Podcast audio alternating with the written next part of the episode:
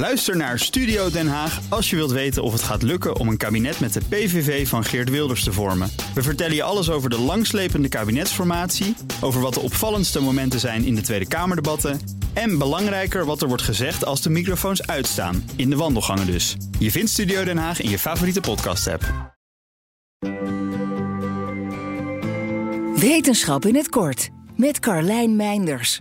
Ongeveer 4,5 miljard jaar geleden botste een gigantische planeet op de aarde. Die impact was zo groot dat uit de brokstukken zich onze maan moet hebben gevormd. Maar twee enorme stukken van die niet-aardse planeet die ons geramd heeft, zijn mogelijk ook in onze eigen planeet terechtgekomen. Die theorie bestaat al langer, maar onderzoekers denken er nu nieuw bewijs voor te hebben. De enorme brokken of klodders, beide groter dan de maan, werden in de jaren 80 al in de aardmantel ontdekt. Eentje bevindt zich diep onder het Afrikaanse continent en de ander onder de Stille Oceaan. De samenstelling van de brokken is anders dan die van de mantel.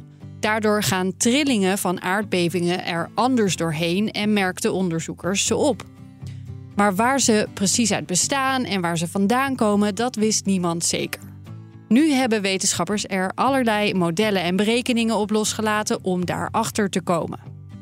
Zo ontdekten ze dat gesteente uit de mantel van die andere planeet, die Thea is genoemd, gesmolten zou kunnen zijn om vervolgens door hun enorme dichtheid te zijn gezonken tot aan de kern van de aarde.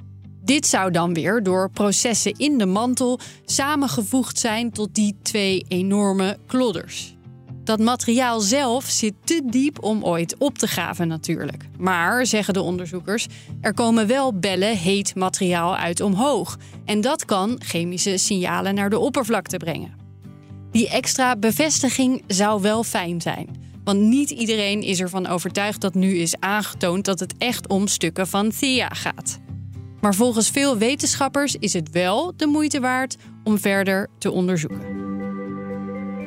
Wil je elke dag een wetenschapsnieuwtje? Abonneer je dan op Wetenschap vandaag. Luister Wetenschap vandaag terug in al je favoriete podcast-apps. Ook Thomas van Zeil vind je in de BNR-app. Je kunt live naar mij luisteren in Zaken doen, de BNR-app met breaking news, het laatste zakelijke nieuws en je vindt er alle BNR-podcasts, bijvoorbeeld Het Nieuwe Geld. Download nu de gratis BNR-app en blijf scherp.